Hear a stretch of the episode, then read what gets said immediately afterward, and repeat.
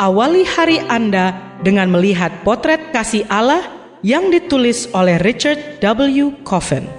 Melalui renungan pagi ini, kita akan mempelajari karakter Allah yang menuntun kita kepada kasihnya. Bersama Pendeta Andre Daimbani, selamat mendengarkan. Shalom, selamat pagi saudaraku. Renungan pagi kita hari ini 2 Agustus berjudul Kembali ke Nazaret. Ayat intinya diambil dari Matius 2 ayat 22. Demikian firman Tuhan. Tetapi setelah didengarnya bahwa Arkelaus menjadi raja di Yehuda menggantikan Herodes ayahnya, ia takut ke sana. Mari kita dengarkan penjelasannya.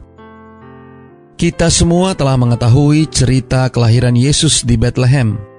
Dan ketika ia diserahkan di Yerusalem, kunjungan orang Majus, dan kepindahan keluarga Yusuf ke Mesir. Kita tidak tahu berapa usia Yesus ketika Yusuf kembali ke Palestina, tetapi kita dapat membuat perkiraan kasar. Herodes wafat pada tahun 4 sebelum Masehi dan mereka tidak akan pulang ke kampung halaman sebelum itu. Jika Yesus berusia antara 1 sampai 2 tahun ketika mereka pindah ke Mesir, kemungkinan ia telah berusia 3 tahun ketika meninggalkan suaka sementara mereka di Mesir dengan asumsi ia lahir sekitar tahun 6 sebelum Masehi. Yusuf mungkin menerima kabar kematian Herodes di depan orang-orang lain di Mesir karena setelah Herodes mati, nampaklah malaikat Tuhan kepada Yusuf dalam mimpi di Mesir.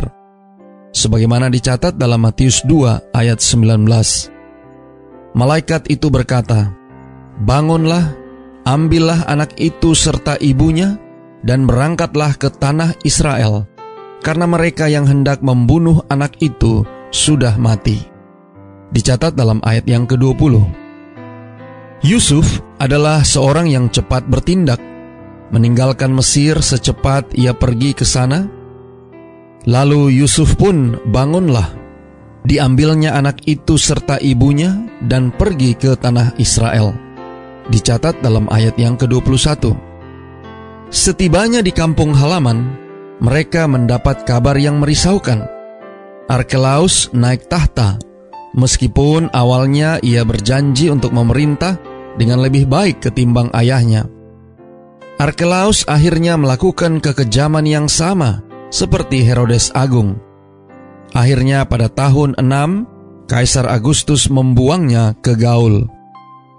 Matius mengisahkan bahwa Yusuf takut ke sana, ke Yudea, menurut catatan dalam ayat 22. Kebingungannya pun sirna karena ia dinasihati dalam mimpi.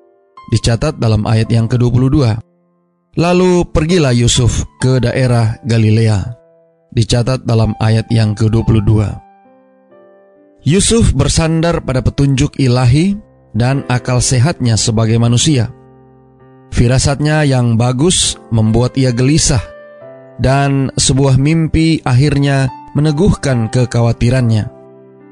Bila dilihat lebih jauh, Nampaknya Matius berasumsi bahwa Yusuflah yang memutuskan untuk pindah ke Nazaret di daerah Galilea.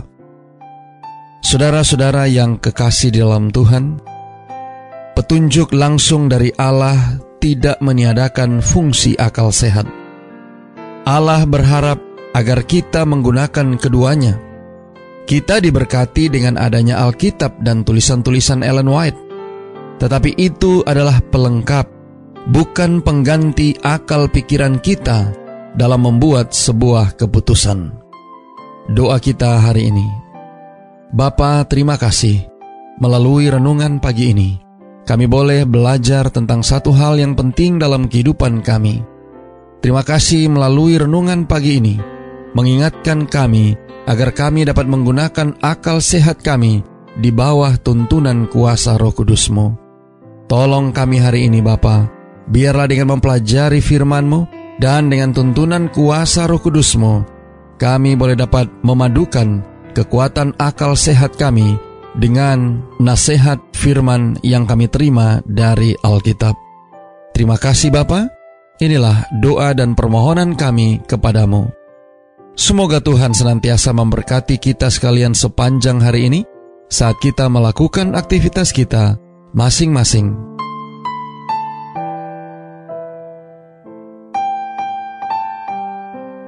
Demikianlah tadi pembahasan tentang potret kasih Allah.